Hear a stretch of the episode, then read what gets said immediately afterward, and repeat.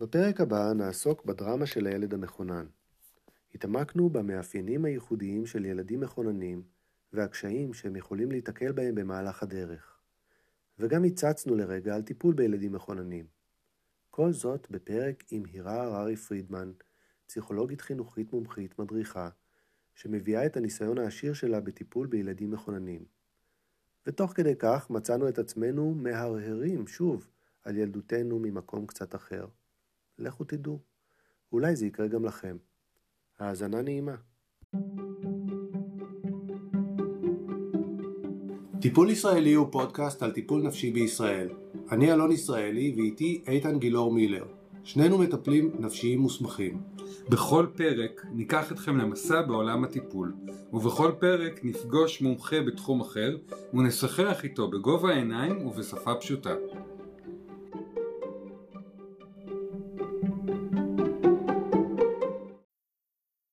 אירה הררי פרידמן, פסיכולוגית חינוכית, מומחית, מדריכה, בוגרת בית ספר לפסיכותרפיה של המכללה ללימודים גבוהים של הפסיכולוגיה החינוכית, עובדת כ-20 שנה בשירות הפסיכולוגי החינוכי של עיריית כפר סבא ובקליניקה פרטית בהוד השרון.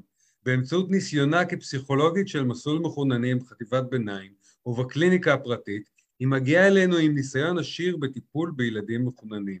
שלום עירה, מה שלומך? טוב מאוד, שלום לכם. היי עירה, איזה... לראות, לראות אותך. גם אתכם. באמת שמחים לראות אותך, ואת uh, מגיעה, אפשר להגיד, לפרק נוסף, אחרי הפרק המצוין שאני ממליץ לכולם לשמוע. היום נדבר על מכוננים בעצם. למה בכלל צריך את ההגדרה הזאת של ילדים מכוננים? ילדים, ילדות? כן. Uh, זה באמת שאלה, אתה שואל שאלה טובה, כי השאלה הזאת היא נשאלת uh, גם בקרב הציבור הכללי וגם uh, בקרב אנשים ממערכת החינוך ואפילו אנשי טיפול. השאלה הזאת למה בכלל צריך להגדיר ומי זה הילד המכונן ומהניסיון שלי ובאמת יש, יש כמה גישות, יש את אלה שיגידו שזה ילדים ככל הילדים ויש להם יכולות אומנם גבוהות אבל הם בסך הכל בזכות זה שיש להם את היכולות הגבוהות הם יכולים להסתדר ולא ללמוד בעצמם והם לא צריכים את ההתייחסות המיוחדת. והתפיסה השנייה שהיא בעצם תפיסה של האגף למכוננים ומצטיינים במשרד החינוך ואני גם שותפה לתפיסה הזאת בהיכרותי לאורך השנים עם הילדים האלה זה בעצם שזה סוג של, אני קוראת לזה כמו חינוך מיוחד לכל דבר כמו שיש לנו את הילדים עם הצרכים המיוחדים המתקשים גם הילדים המכוננים יש להם צרכים ומאפיינים שהם דורשים את ההתייחסות המיוחדת על מנת שיוכלו לפרוח, על מנת שבאמת יוכלו לבוא לידי ביטוי. אז את יודעת מה, לפני שנלך לצרכים, אולי נלך שנייה צעד אחד אחורה, כי, כי מכוננים הרבה פעמים זה יכול להיתפס בכל מיני אופנים על ידי כל מיני אנשים. כשאנחנו מדברים על מכוננים, למה בעצם אנחנו מתכוונים? כן, אז מה שמעניין שבאמת ההגדרה היא, היא מין הגדרה אה, כללית כזאת והיא יכולה להיות גם כמותית וגם איכותית. מבחינת, היא משתנה בין מדינה למדינה. אז מבחינת מדינת ישראל, מישהו מכונן זה מישהו אה, נמצא במבחן מכוננים. אז בעצם אה, את אמרת שיש אחוז מסוים מהאוכלוסייה שמוגדר על ידי משרד החינוך כמכוננים באמצעות מבחנים, מבחנים שעושים בדרך כלל, אם אני לא טועה, בכיתה ב'. יש באופן ראשוני עושים בכיתה ב', אבל יש ילדים שיכולים גם לעשות את זה בהמשך הדרך, אם הם לא עשו בכיתה ב' או אם הם באמת רוצים לערער ולנסות שוב, אז הם יכולים גם לעשות בכיתה ג' ובכיתה ד', אבל ברמת המדינה בודקים את הילדים, מי שרוצה להיבחן, בכיתות ב'. אוקיי, אז זה אומר... בכלל בודקים. זה, זה מבחנים שבעיקר בודקים הישגים בהבנת הנקרא, במתמטיקה, זה בשלב הראשון. ובשלב השני בודקים גם נתונים פסיכומטריים נוספים שלא קשורים בהכרח להישגים.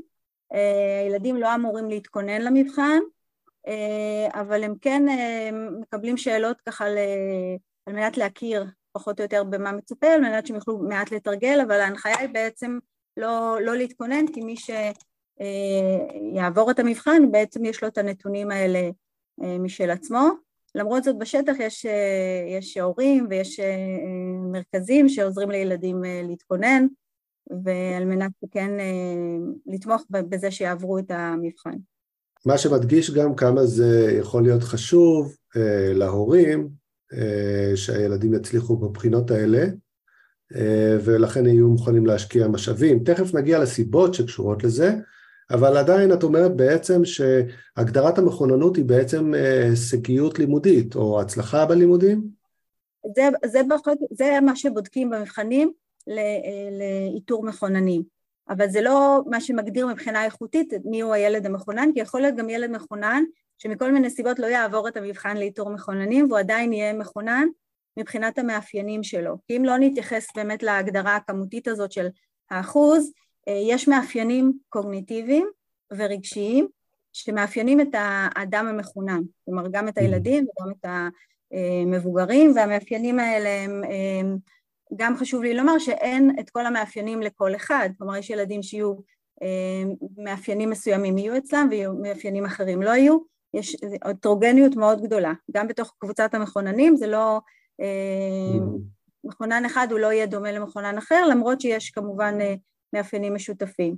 אז אה, מבחינת המאפיינים הקוגניטיביים זה באמת אה, יכולת חשיבה גבוהה, ויכולת הפשטה גבוהה, ומהירות חשיבה גבוהה, ויצירתיות בחשיבה, באמת היציאה מחוץ לקופסה, חשיבה מחוץ לקופסה, אה, סקרנות, אה, הרבה פעמים יכולת התמדה, יכולת העמקה, אה, ואלה רק חלק מהיכולות הקוגניטיביות. והמאפיינים הרגשיים, שהם גם כן הרבה פעמים מאפיינים ומכוננים כקבוצה, זה אינטנסיביות מאוד גדולה, הרבה פעמים הם חווים את הדברים בעוצמה גבוהה, מאוד מאוד רגישים, מאוד נוטים בהכללה לפרפקציוניסטיות, לביקורת עצמית, וגם עצמית וגם אה, כלפי הסביבה.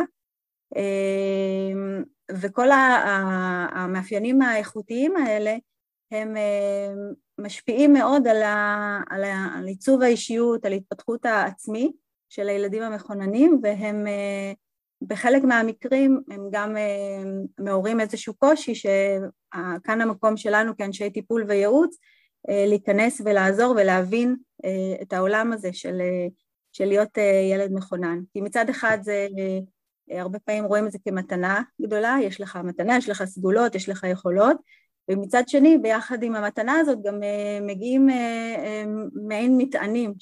אז אנחנו נגיע, נגיע לזה בהמשך, כשנתקרב לטיפול, אני רק רוצה רגע, יש הורים בטח שמקשיבים לפרק הזה, ואומרים הילד שלי לא עבר מבחן מכונני בכיתה ב' או בכיתה ו', ועדיין את אומרת בעצם יכול להיות שיהיו אה, מאפייני אישיות של מכוננות גם לילדים שלא עוברים את המבחנים האלה, אין קשר בהכרח, זה המבחן שמשרת את המערכת נכון. אה, ויכול להיות שיש דברים שלא נמדדים במבחנים האלה נכון. ועדיין לילדים מסוימים יהיו פערים כאלה.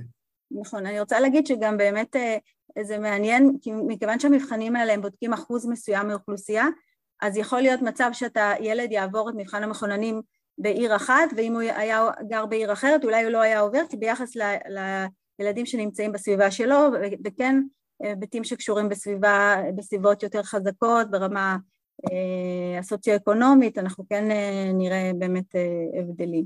אז, אז מה שאני מסיק ממה שאת אומרת, שבעצם יש אחוז מסוים באוכלוסייה שהוא לא מאובחן כמכוננים, אבל עדיין את אותם דברים שתכף נדבר עליהם, אה, שמכוננים זקוקים להם, אולי הם לא יקבלו, אולי אפילו ההורים שלהם לא ידעו, אולי הסביבה לא תדע, ובטח בבית הספר לא ידעו, ואז נוצר איזשהו פער, נכון? נכון. אה, בכלל כל העניין הזה שאותי מפתיע כל פעם מחדש, זה שאין הרבה הבנה או הכרה או ידע לגבי מי זה הילד מכונן ומה הוא צריך. ושוב, מה שהתחלתי להגיד מקודם, יש מין מיתוסים אה, לגבי ילדים מכוננים, לפעמים אחד המיתוסים זה שבעצם אם אתה מכונן אז אתה אה, אמור או צריך להיות מוצלח בהרבה מאוד תחומים. לפעמים המכוננות יכולה לבוא לידי ביטוי בתחום אחד מאוד ספציפי ובהרבה תחומים אחרים אה, אולי לא.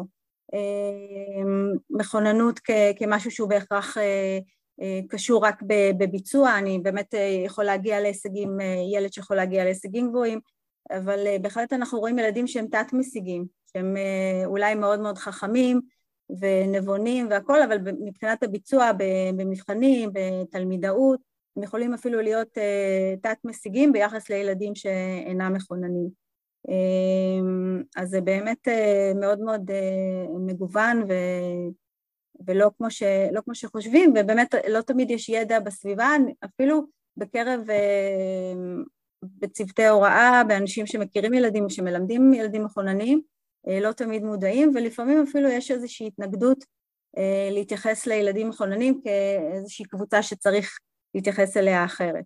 זאת אומרת. אנחנו מתחילים את, ה, את השיחה שלנו בעצם באמירה שגם שיש לילדים המחוננים את הצרכים המיוחדים שלהם, ואנחנו נדבר גם עליהם בהרחבה, וגם ש, שלא כל ילד אה, ש... אה, זאת אומרת, ילד שלא עבר את המבחן או שלא מוצלח במתמטיקה, עדיין יכול להיות אה, תחת הקטגוריה הזאת שאנחנו מדברים עליה של ילדים מחוננים, mm-hmm. והמידע הזה הוא מאוד מאוד אקוטי, גם להורים וגם לאנשי מקצוע שמתעסקים עם הילדים, בשביל לראות את הדבר הזה, לראות שהילד שלהם הוא הילד שהם מטפלים בו הוא נמצא בקבוצה הזאת כדי לתת לו איזשהו מענה שהוא ייחודי, זאת אומרת, כדי, כדי להבין את הצרכים האלו ולתת לו, להם מענה.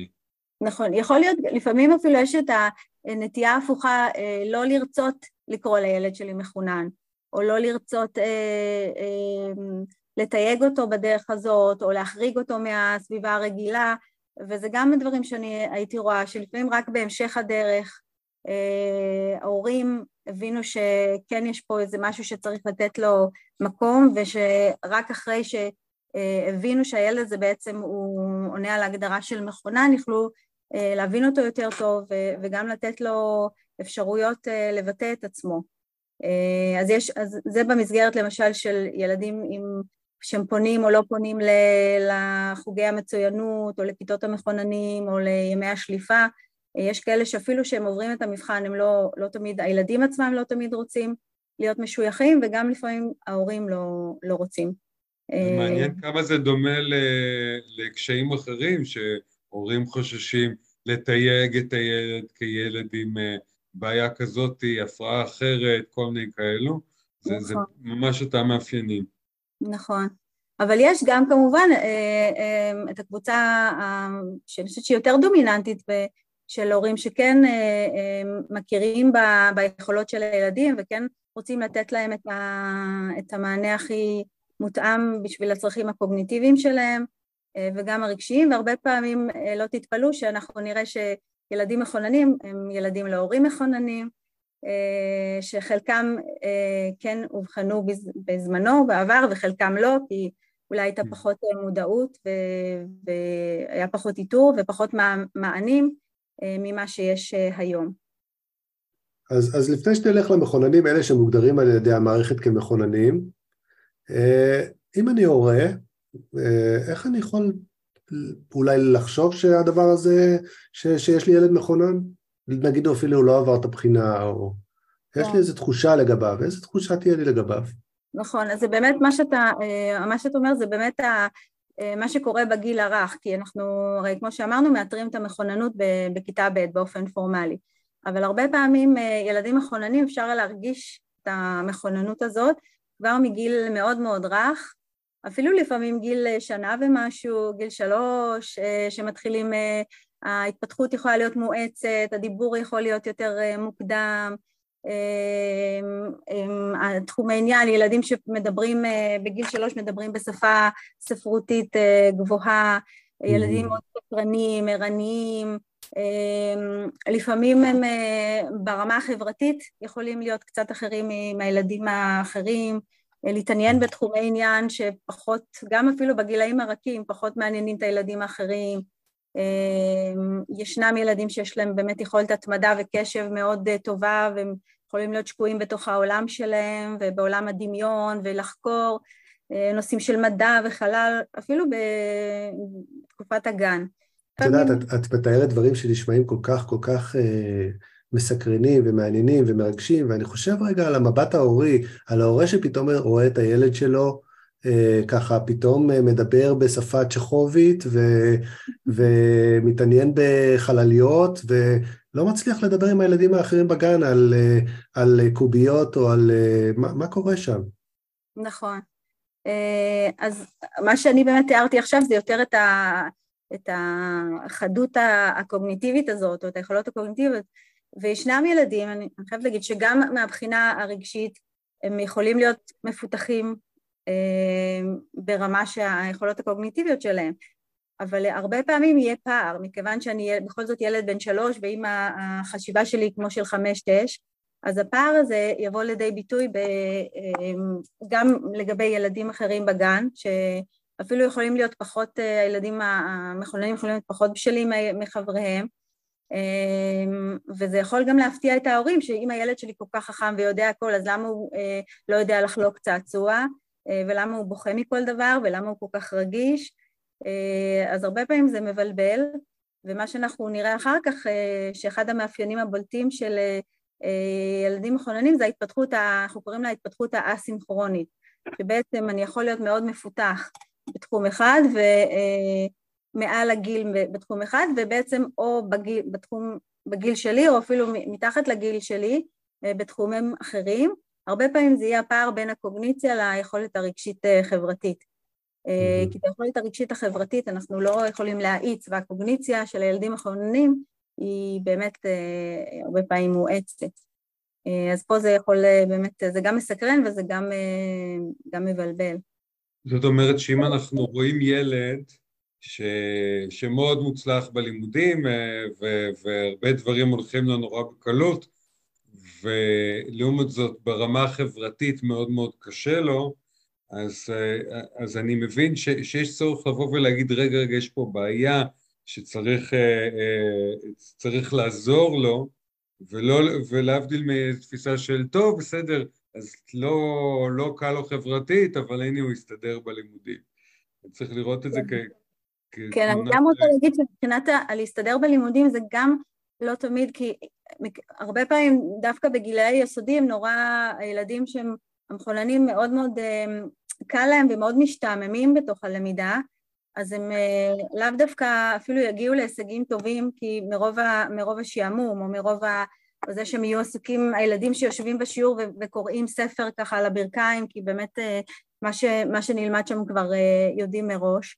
אה, אז זה לאו דווקא גם שהם מאוד יצליחו בתוך בית הספר, אבל, אה, אבל באמת לפעמים אנחנו נראה את ההבדלים בולטים ביותר בתחום הרגשי והחברתי, ולא תמיד אה, מבינים ממה זה נובע, או לא תמיד שמים את האצבע על זה שזה קשור בפערים האלה, באסינכרוניות הזאת שמאפיינת ילדים מכוננים.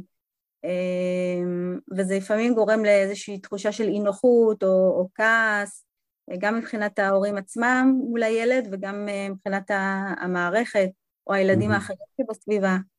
אמ, אבל באמת אני, אני רוצה להגיד שיש גם קשר בין היכולות הקוגניטיביות לבין האתגרים הרגשיים. כי למשל אם החשיבה שלי מאוד מהירה והילדים מסביבי חושבים יותר לאט, אז לפעמים תהיה פחות סבלנות לקצב של מישהו אחר, ואז אה, או שאני פחות אקשיב, או שאני אקטע את הילד האחר שעדיין לא חשב. אה, יש גם אה, לפעמים ילדים מחוננים יכולים להגיב במין סוג של משהו שנראה כמו התנשאות. כי הם באמת, אה, הם באמת מבינים משהו שמישהו אחר לא מבין, והם יכולים לא להבין למה המישהו אחר הזה לא מבין את זה. זה ממש התנשאות, כן. כן. אבל, אבל באמת שלא לא ממקום, זה לא מאיזושהי כוונה רעה, אלא באמת מבחינתם זה כל כך ברור וכל כך פשוט, איך זה שכל הסביבה לא, לא מבינה את זה. אה, עוד מאפיין זה באמת אה, חוש צדק מפותח, אה, מאוד מאוד, כקבוצה אני אומרת, מאוד מאוד אכפת להם האמת ומה נכון ומה לא נכון, ואם קשה לפעמים לעגל פינות, ואז אם מישהו אחר מעגל פינות או מתחכם או עושה משהו שהוא לא, מבחינתם לא בסדר, הם יכולים מאוד מאוד לכעוס על זה, לעמוד על זה, ואז גם, ההיבט הזה גם יוצר לפעמים קצרים עם יתר הסביבה. אה, אבל גם יש ילדים מכוננים שהם מאוד מאוד חברותיים, והם יכולים להיות גם מכוננים בתחום הבין-אישי. כלומר, mm-hmm. אני לא רוצה להצטייר שבהכרח אה, כל ילד מכונן, אז הוא קשה לו מאתגר אותו חברתית. יש ילדים שהם גם, גם מאוד חכמים, נבונים, והם גם יכולים להיות מאוד חברותיים ומסתדרים ומשתלבים. ואלה לא יגיעו לקליניקה כנראה, נכון? זאת אומרת, במקרים האלה. נכון, הם באמת פחות יגיעו, למרות ש... אני באמת נמצאת בחטיבה, אז בגיל ההתבגרות כבר יש את האתגרים של אה, גיל ההתבגרות, אה, ויש את התהליכים שעוברים גם ילדים רגילים, מבחינת הבחינה מחדש של הזהות, והגיבוש האישיות, וההתבוננות הפנימית, לראות מי אני ומה אני ומה אני לא. אה, אז אצל ילדים מחוננים יכול להיות בעוצמה יותר גבוהה. גם היכולת הרפלקציה האישית וגם באמת היכולת אה, להבין את עצמם והעומס הזה של המחשבות הוא, הוא, שהוא לא בא לידי ביטוי אולי בחוץ, יכול, בחוץ יכול לרא, לראות הכל טוב, אבל בפנים העולם הפנימי יכול מאוד uh, uh, לגעוש ו- ולסעור. אני, אני חושב על, ה, על כל מה שתיארת, האפשרות הזאת של להבין את הדברים בשונה מכל האחרים, אם זה בראיית הצדק או ב... או, או, או בכל מיני תחומים אחרים, כשאני מבין דברים אחרת, אני רואה עולם שונה משל אחרים, אז באמת גם יש פה, יכולה להיות פה איזושהי חוויה של בדידות נורא גדולה, כי, כי מה שאני חווה הוא שונה מהחוויה של כולם, זאת אומרת, אף אחד לא יכול להבין מה עובר לי בפנים. נכון. אז זה אנחנו למשל רואים הרבה פעמים, אם אני באמת מתייחסת כפסיכולוגית של כיתות מכוננים, אנחנו רואים באמת את ה... שחלק מהילדים שלומדים במסגרת רגילה ומגיעים אלינו בכיתה, בכיתה ז' למסגרת הייחודית של כיתת המחוננים, אז חלקם אה, חווים חוויה של לנשום לרווחה, כאילו נמצאים באיזשהו מקום, פתאום עם קבוצת שווים שמבינים על מה אני מדבר ואיך אני חושב אה, וכל מיני מוזרויות כאלה שלפעמים יש לי, אה, ותחומי עניין שפתאום יש לי מלדבר עליהם, אה, ואיזושהי רגיעה כזאת ש, שלא התאפשרה במקום הקודם. אה, ולפעמים אבל זה גם ההפך, פתאום אני, אני נמצא עם קבוצת השווים, אז אני כבר, גם התחרות היא מאוד, מאוד גדולה וגבוהה. Mm. אז יש משהו על, על העמדה הזאת שמצד אחד הוא גם באיזשהו מקום מגונן על הילד, בשונות שלו, בייחודיות שלו, בזה שהוא באיזשהו מקום גם מרגיש אחר, אבל גם בדידות באותו, באותו זמן, מעין חרב פיפיות ממש. נכון. אני חושבת שזה מתקשר למה שרציתי עוד להגיד מבחינת, מקודם דיברנו על אחד ההיבטים המאפיינים של ילדים מחולנים, זה ההתפתחות האסינכרונית, אז אה, דבר נוסף שמאפיין את, ה, את הילדים המכוננים, זה מה שאנחנו קוראים לו, ומה שקרא לו אה, פסיכיאטר, פסיכולוג פולני בשם אה, קזימיר אה, דוברובסקי ב-1980, הוא, הוא דיבר על התכונה שנקראת over-excitability. באנגלית זה נשמע יותר טוב, זה סוג של עוררות יתר, אבל אנחנו, אנחנו אומרים את זה באנגלית ככה כחלק מהז'רגון של המכוננים, באמת הנטייה של המערכת הנוירולוגית של ילדים מכוננים להיות בעוררות יתר, אה, והיא יכולה להיות בעוררות יתר בכל התחומים, אם זה קוגניטיבי, אם זה מוטורי, זה רגשי, זה חושי, והיא יכולה להיות אה, בעוררות יתר באחד מהתחומים, אה, ואז הכל נחווה מאוד מאוד בעוצמה.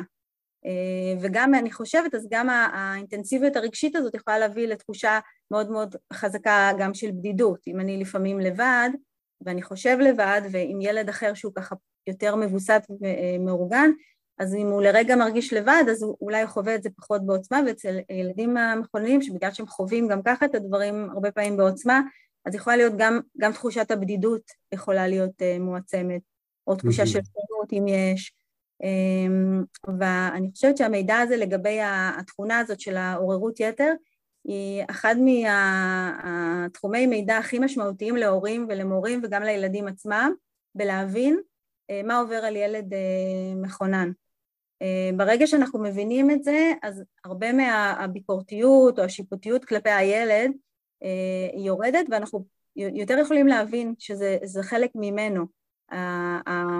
למשל, העוררות יתר הקוגניטיבית, זה, אפשר להסתכל על זה כמו המוח קודח, נכון? המוח עובד שעות נוספות, אז הוא, הוא סקרן והוא צמא והוא זה, אה, אז זאת העוררות הזאת, למה, למה כל דבר יכול לסקרן ולעניין. Uh, הרבה פעמים גם ילדים מכוננים קשה להם להירדם בגלל זה, כי תחשבו שהמוח מאוד מאוד ערני, ואז לעבור לשלב של שינה, זה יותר קשה. או ילדים שמדברים המון, והם יכולים להיות ככה, לא לשים לב שיש אחרים ברקע שרוצים גם להכניס איזושהי מילה.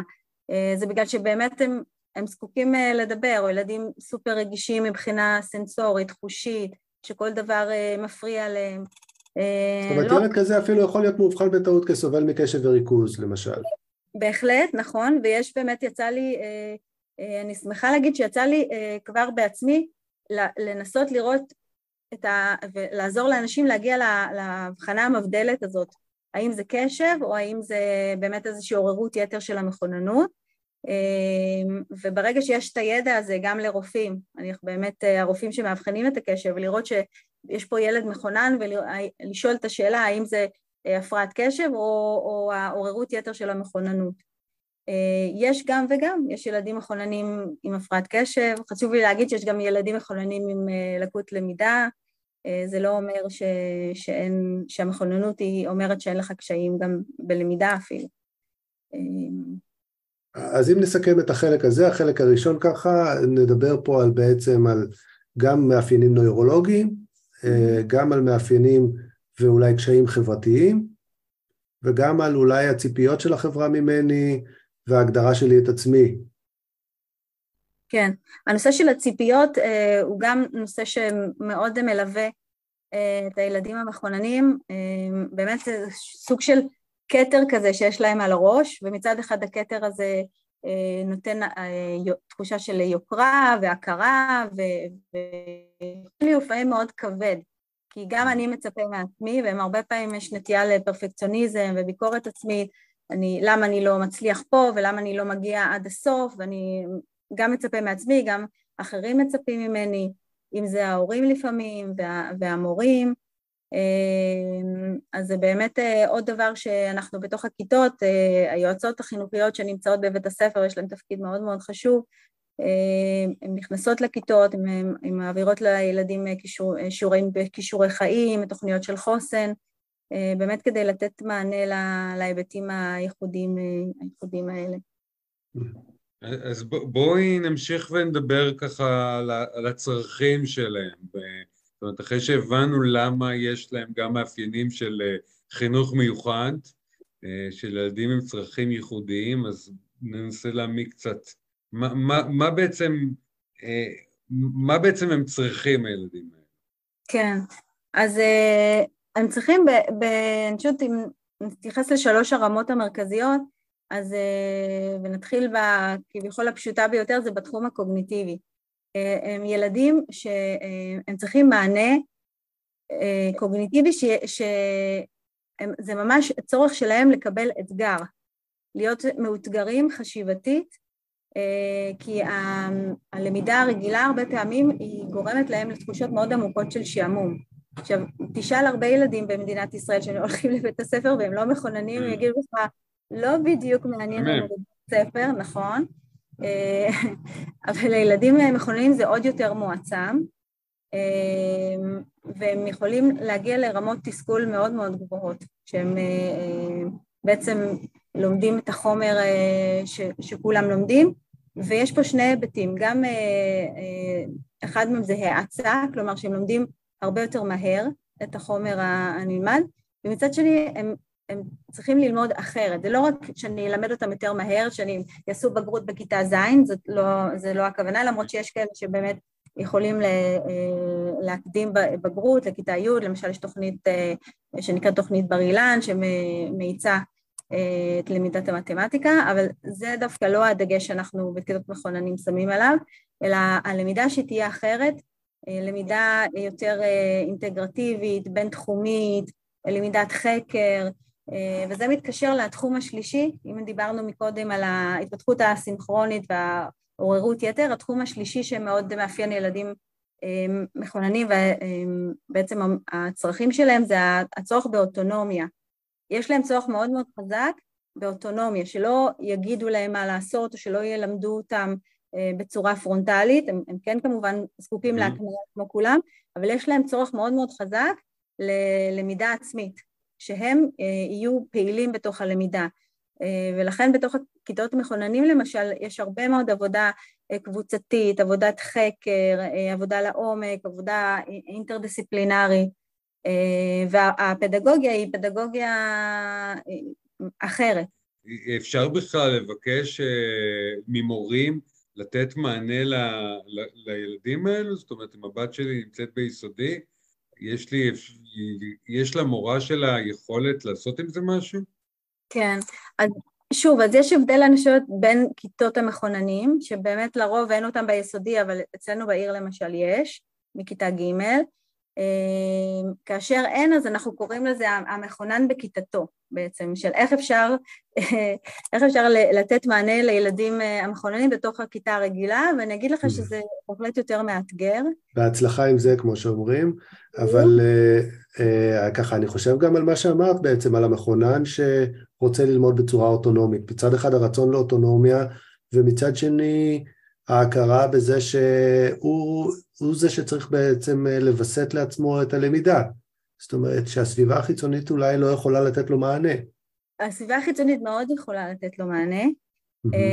בלזמן לו. המבוגרים, המורים, ההורים, אה, יש להם תפקוד מאוד מאוד חשוב ב- בלכוון ולקדם את הילדים. הרבה פעמים המבוגרים עומדים ככה פעורי פה מול היכולות של הילדים, ולפעמים הם מרגישים אפילו, יכולים להרגיש קטן לידם, כי יכול להיות שהם חושבים, הילד בן ה-13 חושב יותר מהר, יותר עמוק, יותר אה, רחב מאשר אפילו לפעמים המורה שלו, אבל עדיין למורה יש את התפקיד אה, באמת לכוון אותו, אה, לארגן אותו, לאפשר לו את החקירה, לאפשר לו בעצם את הנתיבים האלה לחקירה וגם ללמד, כמובן, לא, לא להגיד, אבל, אבל הרבה פחות אה, המורים של המכוננים הרבה פחות רואים את עצמם כמקורות הידע, הם יותר ה-facilitators, הם יותר אלה שיכולים להנגיש את הידע וגם לחשוב בצורה יצירתית על איך, אה, איך להעביר את המשימות, אז הרבה פעמים דרך חידות ומשחקים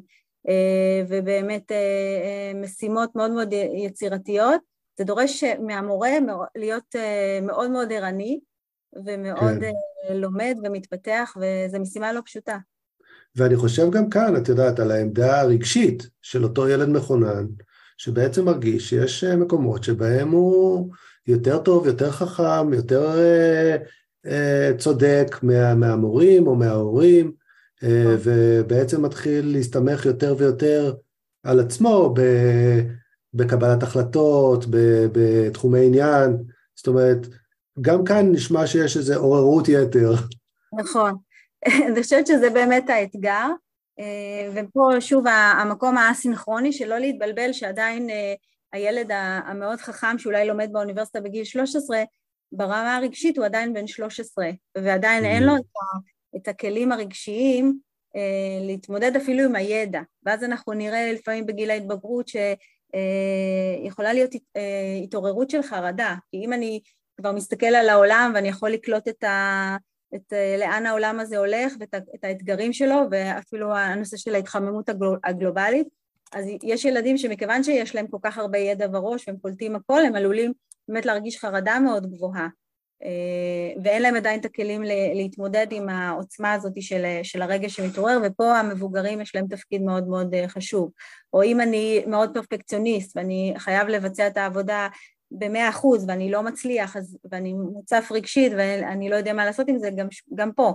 הם צריכים את המורים שעוזרים להם אה, לחלק את החומר, אה, לעשות, אה, לעשות להיעזר, להתמך.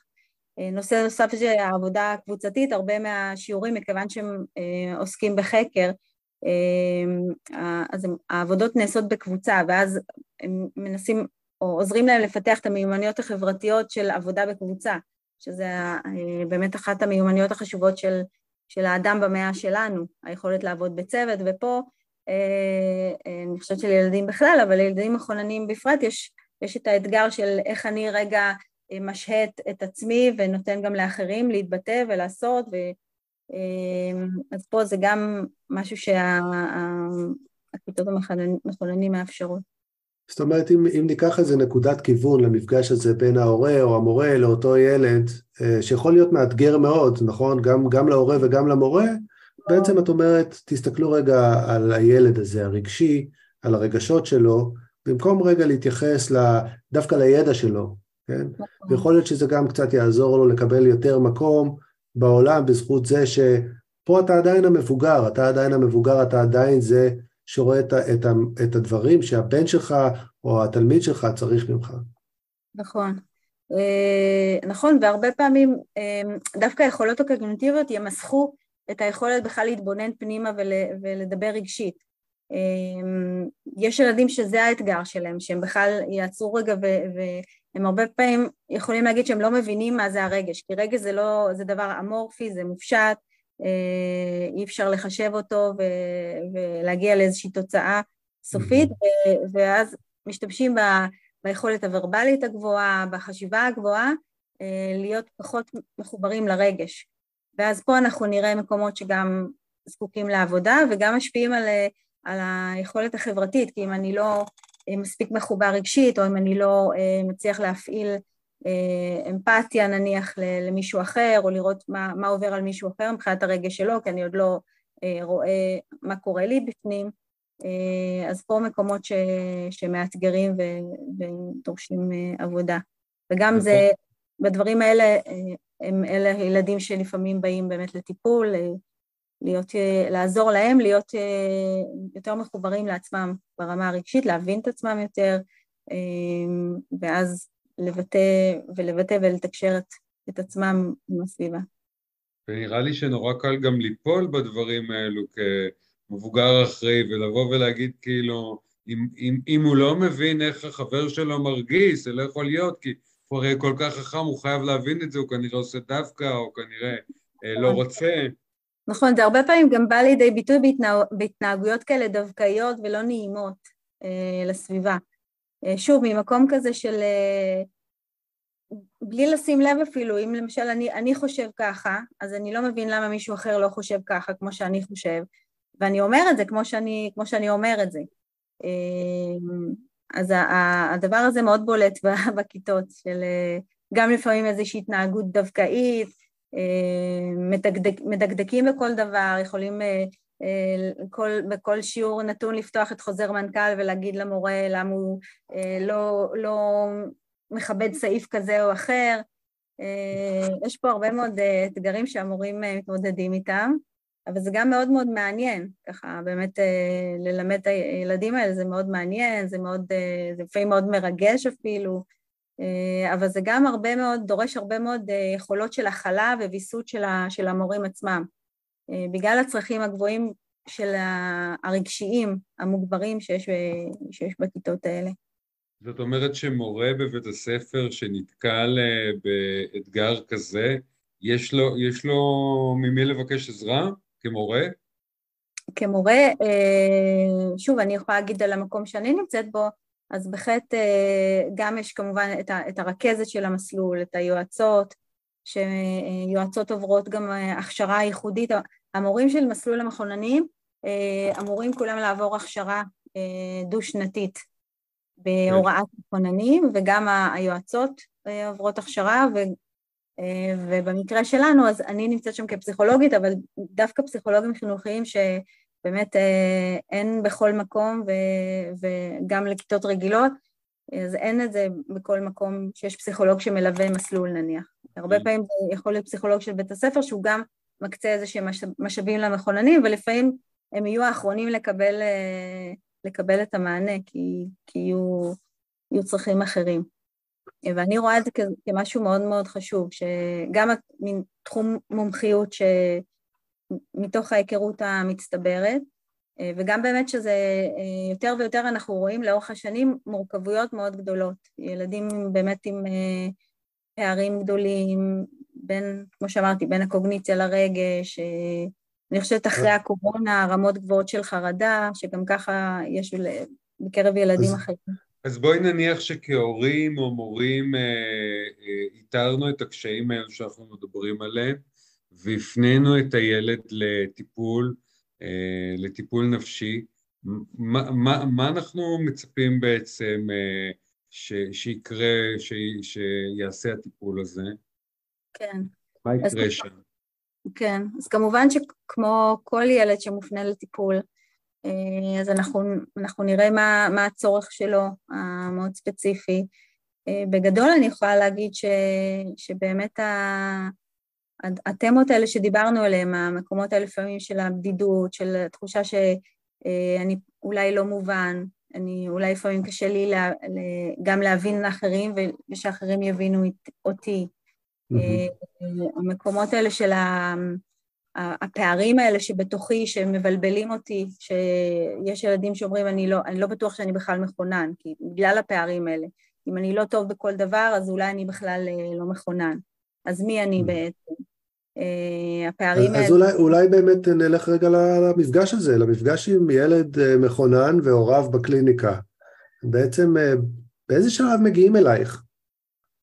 אפילו זכור לי ילד שככה בגיל הגן, שכבר הגיע, שעוד אפילו לא היה מאותר, אבל לא, לא, הגיע בגלל שלא, בגן ראו שהוא לא מסתדר ושהוא מאוד מופנם ושהוא עם עצמו, אה, אבל מצד אחד, ומצד שני אה, יכולות ורבליות שלו מאוד גבוהות, אה, וההורים שלו לא חשבו שהוא מכונן, יכול להיות באמת ממקום שאפילו הם עצמם מכוננים והם לא רואים בזה משהו שהוא יוצא דופן.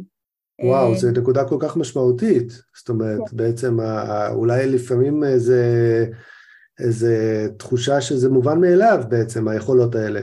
כן, נכון.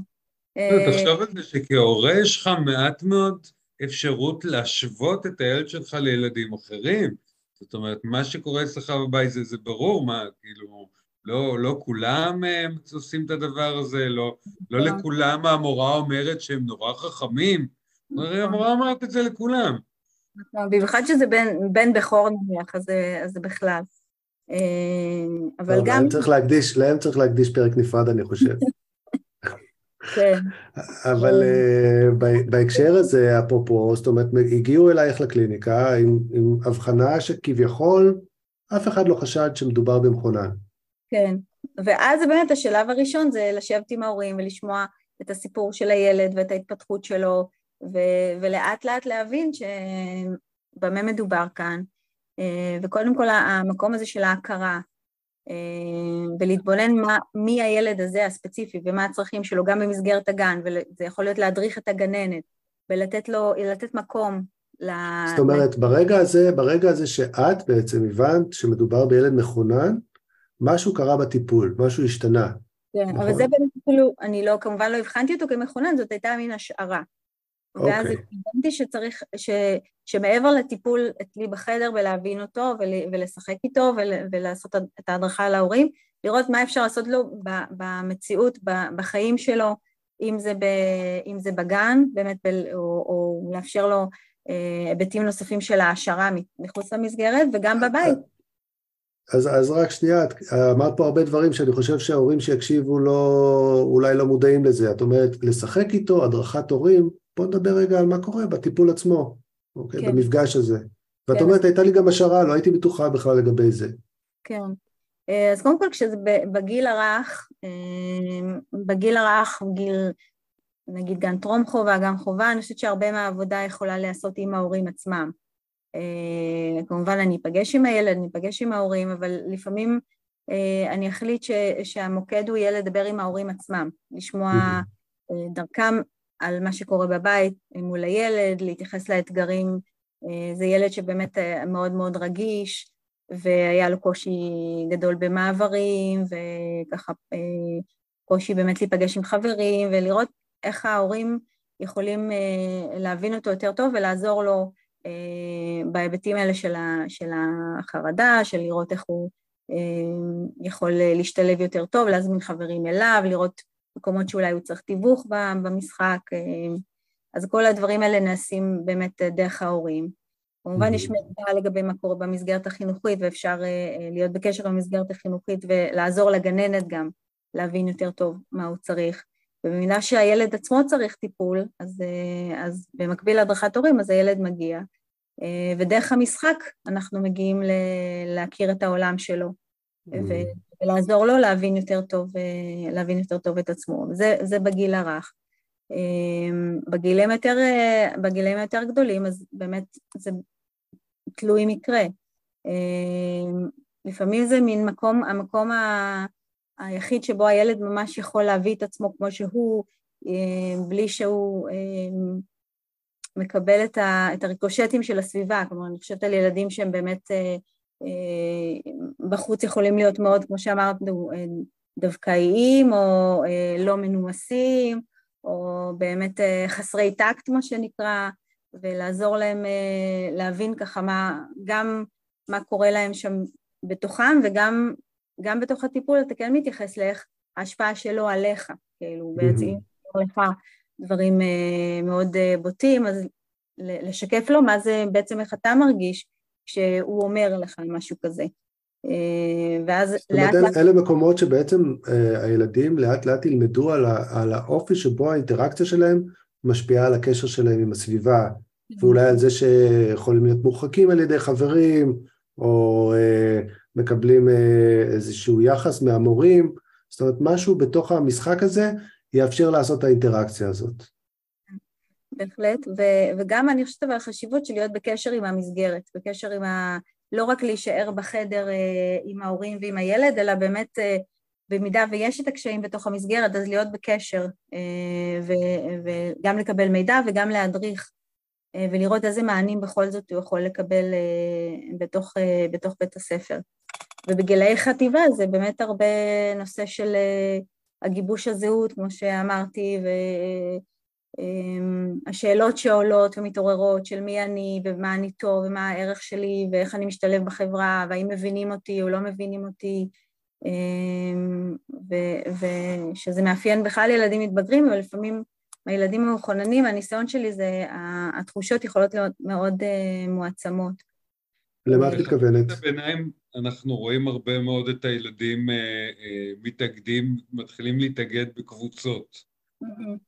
והרבה פעמים uh, עולה השאלה של, רגע, אז הילד הזה, שנניח uh, הוא בכיתה רגילה, אבל יום בשבוע או, אחר הצהריים הוא בתוכנית מחוננים, אז הוא, הוא, הוא, הוא נקרע בין קבוצות, הוא בשאלה של לאיפה הוא באמת שייך. נכון. אז, אז יש ילדים שהם, שוב, זה תלוי נורא בילד עצמו, כמה הוא, מה הכישורים החברתיים שלו. אז יש ילדים שהם, הילדים שמאוד מסתדרים, אז הם יכולים, שיהיו להם חברים גם בכיתה הרגילה וגם בתוכנית המיוחדת. אה, ויש ילדים שהם, אה, אה, התוכנית המיוחדת תהיה מקום של הצלה בשבילם, באמת ששם הם פוגשים את קבוצת השווים ויש להם שם ילדים שהם יכולים להתחבר אליהם ולהיות עם תחומי עניין משותפים.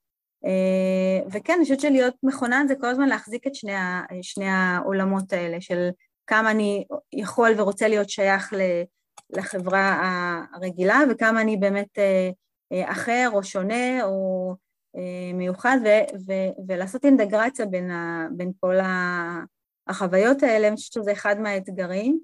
אה, ובאמת אה, בשלב הזה של המעבר לתיכון, למשל, שעכשיו יש לנו ילדים בכיתות המכוננים שהם עוברים לתיכון והם צריכים שוב לקבל החלטה אם הם ממשיכים במסלול או הם יוצאים לכיתה רגילה ושם הם נמצאים במגמות הרגילות והשאלה הזאת של אה, מה אני רוצה, אם אני עדיין רוצה לשמור על הקבוצת אה, השתייכות שלי המסוימת, או שאני כבר רוצה אה, לצאת לעולם ולפגוש ילדים אחרים, ובאמת עם השאלה, האם אני רוצה כל הזמן להיות בקבוצת השווים הזאתי, או שאני גם רוצה להיות אומנם עם הייחודיות שלי, אבל במסגרת של ילדים עם מאפיינים נוספים. כי גם אני מניח שיש פה גם איזושהי שאלה כזאת אה, ש, של מה אני הולך לעשות בתיכון, זאת אומרת, אני מניח ש, אה, שמסלולים למחוננים הם יותר אה, מכוונים למקצועות מסוימים, ו, ואולי אני כילד דווקא בא לי להיות ב... לא יודע, כיתת דרמה או משהו כזה. כן, אז, אז שוב, אני חושבת שזה משתנה ממקום למקום, אז יש מקומות שבעצם אתה יכול להיות בכל מגמה ועדיין יש לך אה, חלק מהשעות אתה נמצא עם המסלול שלך, אה, ויש מקומות שזה, אתה הרבה מהשעות נמצא בתוך המסלול, זה מאוד משתנה. אבל mm. עקרונית הכל פתוח, יכול להיות במגמה של סייבר ותיאטרון וקולנוע, בהתאם למקום ש, שאתה, שאתה חי בו. זה מעניין שאנחנו מדברים אה, על ילדים מכוננים, ואני שואל את עצמי, ומה עם ילדות מכוננות? נכון. אז אה, נכון, זה, זה, אני אה, לא למדתי מספיק ממרב מיכאלי לדבר בלשון נקבה, אבל בהחלט יש, יש ילדות מכוננות בכל כיתה, אפילו משתדלים... גם, גם מצליחים לזהות ככה את המאפיינים שלהם ואת המכוננות שלהם?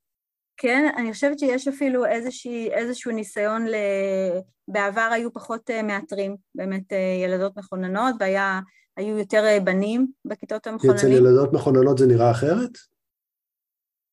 שאלה טובה. נראה אחרת, אני חושבת ש... אני, ככה, אני עוברות לי בראש, עוברים לי בראש הילדים. בתחומים אחרים אה, זה ידוע שיש יותר קושי לאבחן בנות, זאת אומרת, יש תחומים שזה מאוד מאוד בולט, אה, אה, נניח באוטיזם, יש אבחון חסר אצל בנות. נכון. אז אם שהקשיים הם קשיים, אז גם פה עשוי להיות דבר כזה. אני חושבת שיש מה, מה שאני יודעת, אני לא מספיק יודעת בזה, אבל אני חושבת שיש ב... מתייחסים לנושא של המגדר במבחנים, אה, mm-hmm. ובשנים האחרונות כן אה, אה, מאזנים את התמונה, כמו שכן מאפשרים שיהיה יותר שוויון מבחינת אפילו כמותית בין הבנים לבנות ש... מן אפליה מתקנת. אני, אני אפילו לא מתייחס לזה, אני מתייחס בעצם, נגיד, תיארת כל מיני התנהגויות, נגיד אותו ילד כזה שמתנצח עם המורים, ו, ואולי לבנים קצת יותר קל להיות בפוזיציה הזאת, והשאלה כן. אם אה, בנות יכולות אה, להביע את המכוננות שלהן באופן אחר, שהוא אולי יכול להיות אפילו פחות גלוי. לא, אבל תתפלא שהם, אה, שבהחלט הבנות לא שותפות על שמריהן והן אומרות את דעתן, אבל שוב, זה גם תלוי בכיתה. כלומר, יש כיתות שנניח באופן מסוים, בקבוצה מסוימת, בנים יהיו מאוד קולניים או מאוד חזקים בתחום מסוים, ואז הבנות אולי באמת קצת יצניעו אותם, את עצמן, אבל זה יכול להיות גם הפוך. אמ, יש בנות מאוד חזקות גם במקצועות הריאליים, אה, ויש לפעמים מצבים שכן, אנחנו נראה בנות מסוימות שהן יכולות להיות חזקות מאוד גם בתחום הריאלי, אבל אה, אה, בסופו של דבר עלולות להיות תת משיגות ליד הבנים, כלומר זה דברים שכן קורים, אבל אני לא מספיק לא יכולה להגיד לך זה איזושהי מומחיות שלי בדבר, זה רק... אה, אני גם חייב להגיד שהמאפיינים שפה אנחנו מדברים על אה, בנים מול בנות, הם מאפיינים שהם הרבה תלויים בהסללה החברתית, זאת אומרת, הנטייה של בנים להיות קולניים יותר, או של אה, בנות להיות טובות יותר במקצועות ההומניסטיים, הרבה פעמים זה קשור גם למה ש... איך שהחברה מעצבת אותם בהתאם למגדר, ו... ודווקא באמת כשאנחנו מדברים על חוויה של שונות, של חריגות, שיכולה להיות גם מגיל צעיר, אז היא יכולה גם להתבטא אה, בדרך ה, דרך העניין המגדרי. אני לא כמו כל הבנות, או אני לא כמו כל הבנים. זה באמת כן. יכול להיות פה נורא מבלבל.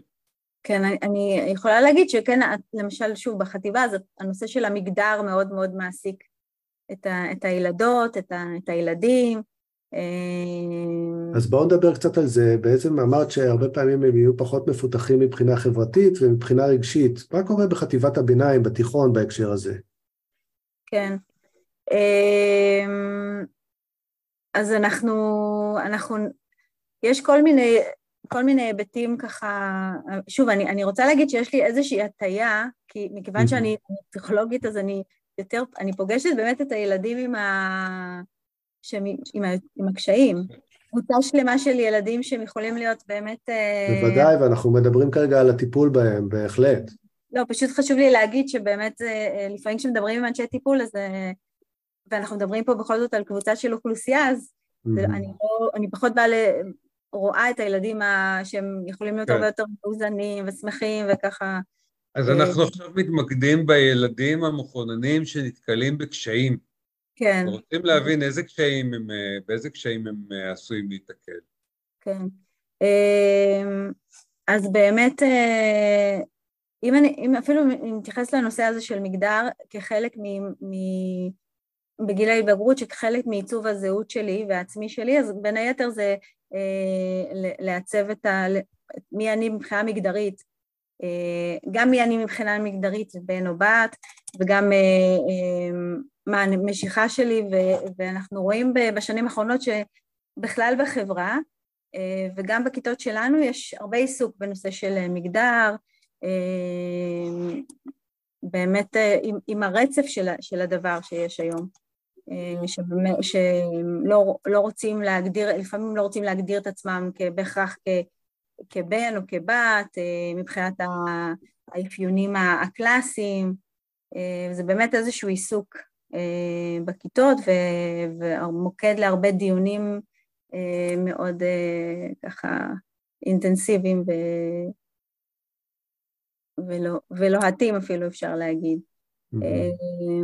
היבטים נוספים זה באמת, אני חושבת גם אי אפשר לא להתייחס לנושא של הקורונה וההשפעה של הקורונה על ההיבטים הרגשיים והחברתיים, ויש ילדים שמאוד מאוד נסגרו בתוך החדר, בתוך עולמם, שגם ככה היו קודם מופנמים או באמת לא שכללו מספיק גם בתוך היסודי את הכישורים החברתיים ופתאום הקורונה באה ועוד יותר ככה גרמה לאיזושהי הסתגרות, לעלייה בחרדה, בהימנעויות, ילדים שפחות הגיעו לבית ספר, ככה באמת דברים שאנחנו... זאת אומרת, בשנים, בשנים שבהם בעצם בני נוער מחזקים את היכולות החברתיות שלהם ומתמודדים עם זה, לא היה כן. להם את ההזדמנות לעשות את זה בגיל הזה, ועכשיו הם סוחבים את זה כמו איזה שק על הגב.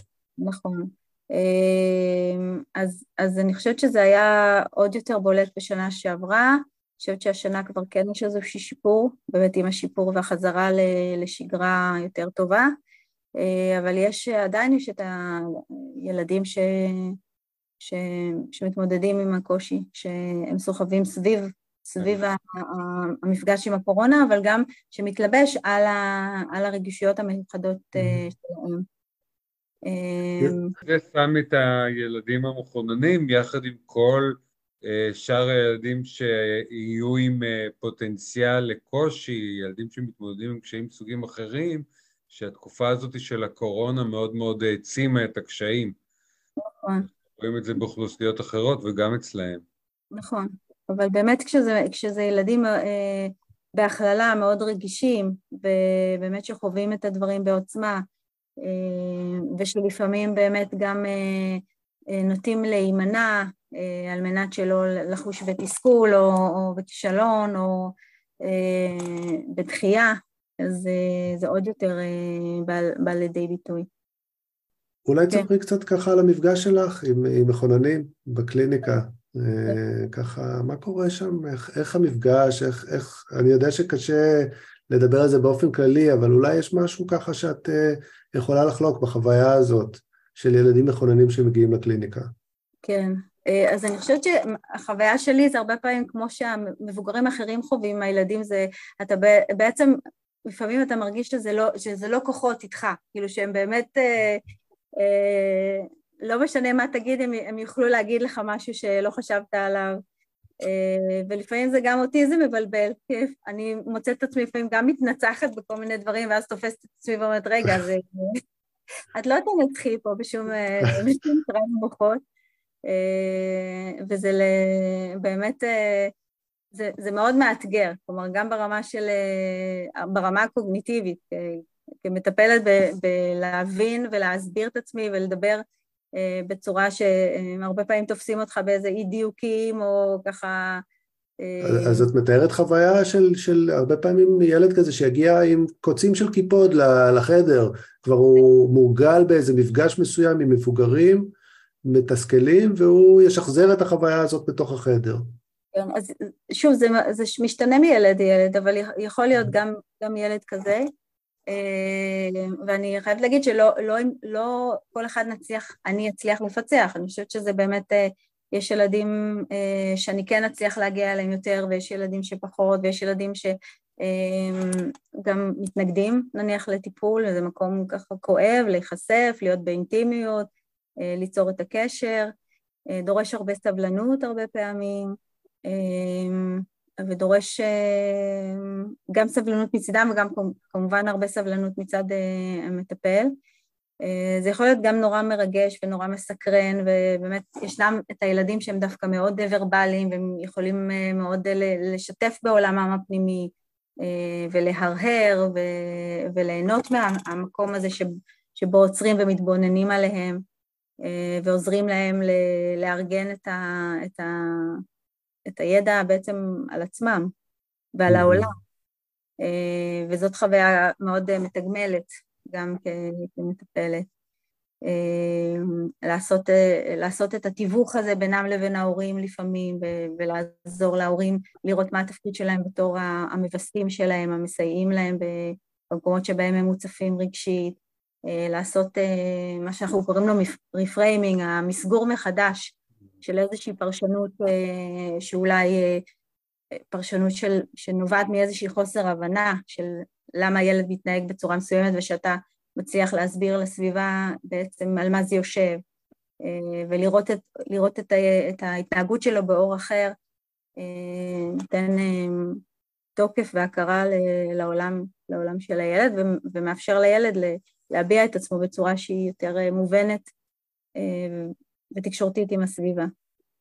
אה, אבל בנימה יותר אישית אני יכולה להגיד על, על עצמי, למשל, שהמפגש הזה עם המכוננים נוגע לי גם בהיבטים אישיים, המקומות ש, שאני חושבת, אני לא, לא הותרתי כמכונן, אני לא, לא בטוחה שזה באמת עונה על ההגדרה, אבל יש, יש היבטים שהם באמת, אני חושבת על עצמי כילדה, שהייתי ילדה מאוד מאוד רגישה, באמת, וילדה סקרנית, וילדה באמת שלפעמים מרגישה שונה מ- מילדים אחרים, באמת בתחומי עניין, וככה המפגש הזה איתם הוא, הוא הרבה פעמים מאיר גם בתוכי את המקומות שלי כ- כילדה, uh, ש- שאני יכולה מאוד uh, להזדהות או להבין, uh, וגם מרגישה לפעמים כמישהי שעוזרת, כאיזשהו מקום לתיקון של מקומות שככה היו, אה, לא ראו אותם, או לא, או לא הבינו אותם, או, לא, או אני עצמי לא הבנתי אותם כש, בתור, אה, בתור ילדה. זאת אומרת שלפעמים הילדה הזאת נמצאת בחדר עם אותו ילד, והוא לא נשאר אה, לבד כמו, כמו שהוא תמיד נמצא. בהחלט. אני חושבת שזה אולי אחד, בעצם חלק מהחיבור שלי לילדים האלה, של ל, ל, להכיר חלק ממה שהם עוברים, להכיר להכיר גם בעצמי. אולי אתם, אה, אני, אני לא, לא יודעת אם אתם תרצו גם לומר, אבל אני, מההיכרות שלי איתך, אלון לפחות, אני, אני חושבת שבאמת... אה, אותי, אותי שלחו לכיתה טיפולית בכיתה א', אז אה, אני לא יודע אם זה אומר שהייתי בכונן או בפרק הקודם שלך, אבל כן. אני בהחלט מזדהה עם החוויה הזאת, ויכול להגיד גם שכמטפל שפוגש ילדים, בהחלט לפעמים הילדים של שנינו משחקים בחדר. כן.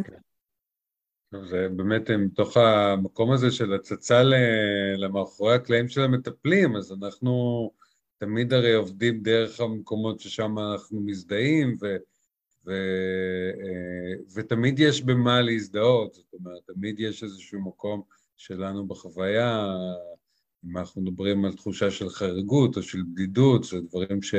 שמשותפים לכולנו, אנחנו כולנו חווים את זה, מקום שהצורך שיראו אותנו, או שיבינו אותנו, אה, זה תמיד נמצא שם, וזה באמת אה, לא, לא רלוונטי דווקא לאוכלוסייה מסוימת אה, של מחוננים או אוכלוסייה אחרת. כן, אבל אני חושבת שהמקומות האלה של הרגישויות האלה המאוד גבוהות, וההתבוננות הזאת על העולם, ו... חושבת שבמקומות האלה אני, אני יכולה מאוד להזדהות ו, ול, ולהתחבר.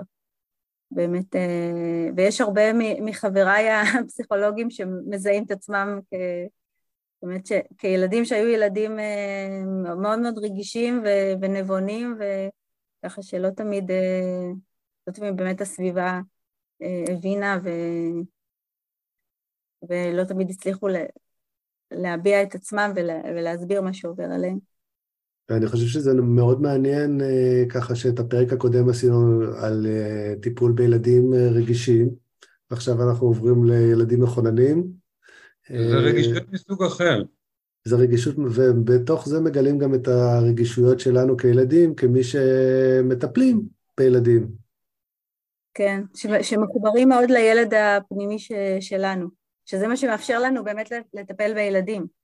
זה היכולת uh, כל הזמן להיות מחובר לעצמך כ, כילד ולמקומות של המשחק ו, ושל ה, של ההתבוננות הראשונית הזאת על העולם, ומאוד, uh, לפעמים גם מאוד uh, יצרית, מאוד משחקית, ראשונית. אז איך קרה שהתגלגלת אה, לטיפול במכוננים? האמת שזה במקרה, כי אנחנו, אה, כפסיכולוגים חינוכיים, אנחנו אה, עובדים כל כמה שנים במסגרות אחרות ושונות, והציעו לי, לי לקחת את המסגרת הזאת. ובמקרה. במקרה, כן, זה היה במקרה, והיה חיבור מאוד, מאוד מרגש די מההתחלה. באמת מצאתי שזה עולם שאני מתעניינת בו, וגם המורים שעובדים עם המחוננים, הם אנשים אה, בעצמם, אני אומרת, גם בעצמם חלקם מחוננים.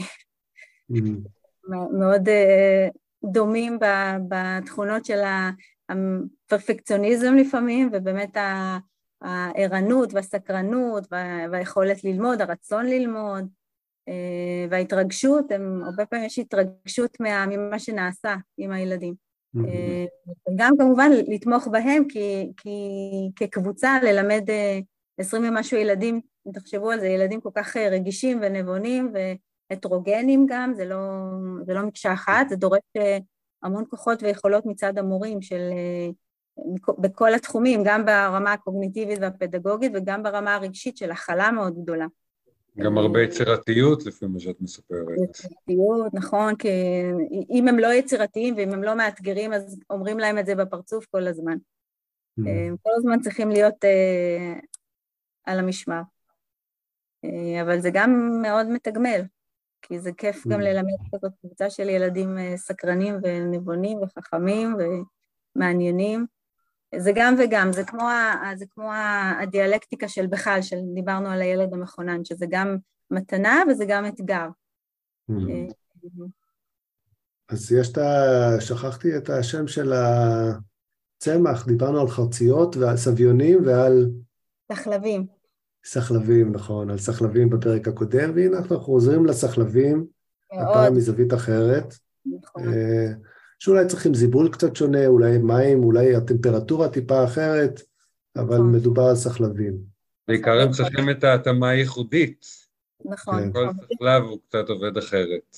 נכון, ויש מי ששוב, יש, יש את מי שיגיד, אבל לא, הם לא צריכים, הם צריכים לגדול באותה קרקע של הסביונים ולהסתדר, ויש גם את, ה, גם את הגישה הזאת.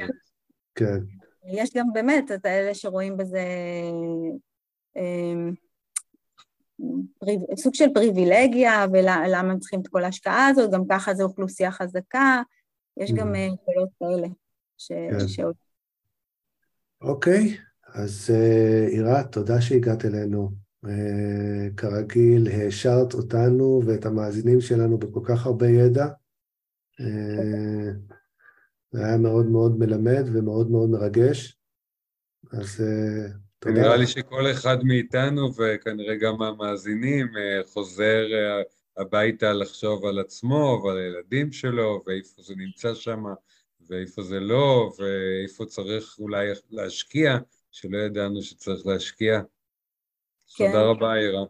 תודה רבה לכם על השאלות, ההאזנה, תודה רבה. זהו, כאן הסתיים הפרק.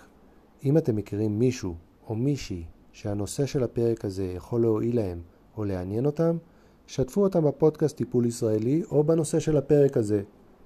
תודה ולהתראות.